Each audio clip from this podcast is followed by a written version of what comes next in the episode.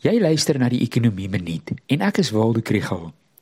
Ek sluit die week af met nuus oor nog twee aanwysers.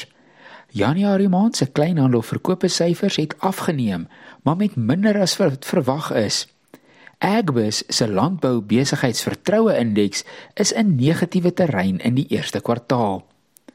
Hierdie episode word ondersteun deur die NWI Sakeskool. Kleinhandelverkope het in Januarie op 'n jaargrondslag met 0,8% afgeneem.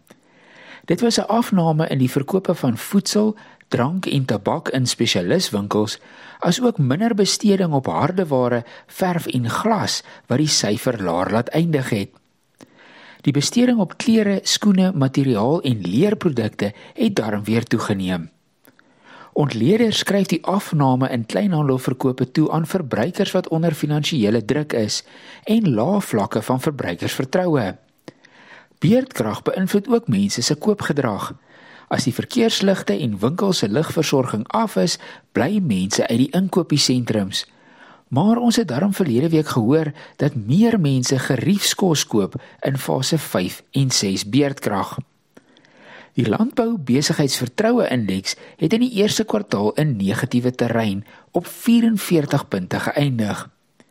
Die indeks is 'n leidende aanwyser van investering in die landbousektor en op die oomblik is die bekommernisse beerdkrag, die toestand van plaaslike paaie en hoë rentekoerse.